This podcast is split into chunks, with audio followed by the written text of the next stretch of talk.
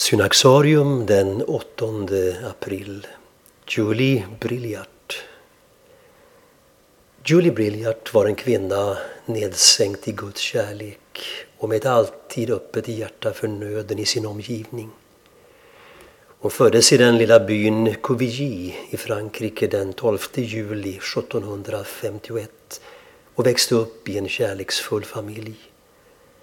Vid sju års ålder kunde hon hela katekesen utan till och gick igenom den med sina lekkamrater. Hennes andliga lyhördhet utvecklades på ett förbluffande sätt och redan så mycket ung hade hon stor förkärlek för att undervisa. Något hon fortsatte med livet ut. Hennes församlingspräst såg den andliga mognad hon hade och lät henne ta sin första kommunion när hon var nio år trots att det vid denna tid var brukligt att man gjorde det först vid 13 års ålder. Julie kom att få en alldeles särskild kärlek till Jesus i eukaristin. När Julie var 22 år gammal blev hon så svårt chockad av ett mordförsök på hennes far att hon förlamades. Hon blev sängliggande i över 20 år. Under denna tid tog hon dagligen emot eukaristin och ägnade fyra till fem timmar åt bön. Sin övriga tid ägnade hon åt att undervisa barn och virka spetsar till altardukar.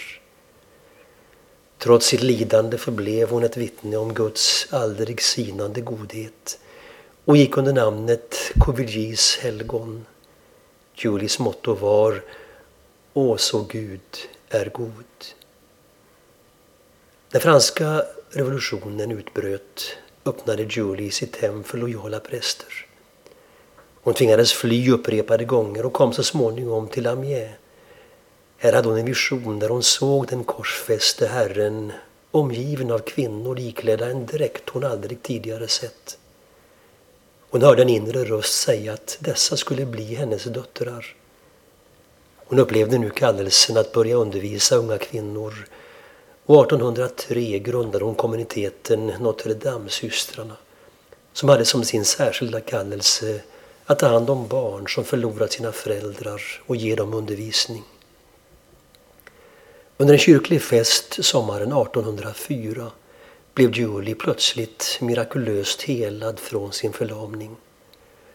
De följande 15 åren fram till sin död grundade hon 15 konvent och gjorde en mängd resor. Julie Brilliart helgonförklarades i den katolska kyrkan 1969 och firas den 8 april.